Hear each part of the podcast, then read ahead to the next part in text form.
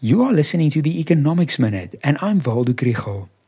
The Economist magazine updated their Big Mac index for 2024 last week, and again the rand is undervalued by around 41% against the dollar. The exchange rate should be around 11 rand 32 against the dollar. But does this make sense and does it matter?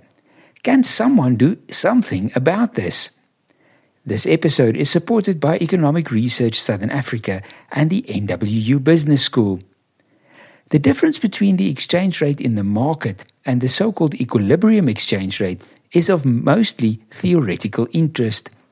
Under normal circumstances and with small differences, this can give an indication of which direction the exchange rate will move. However, this is not the case with the Rand dollar.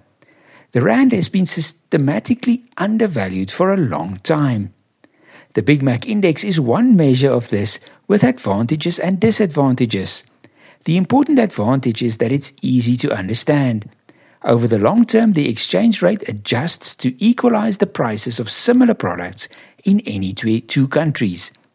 The Big Mac is a good choice because it's very similar in different countries. The shortcoming is that Big Macs are not imported and exported. However, the market exchange rate is all about tradable goods. Our exchange rate is also not only determined by trade in goods and services, it's much more so by trade in stocks and bonds.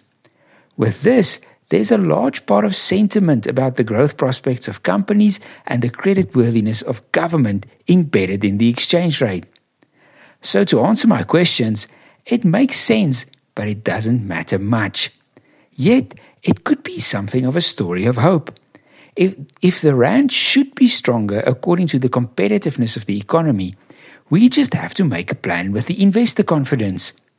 One day, when all the corrupts are locked up, the reforms are implemented, and the potholes repaired, the Rand will trade stronger against the dollar.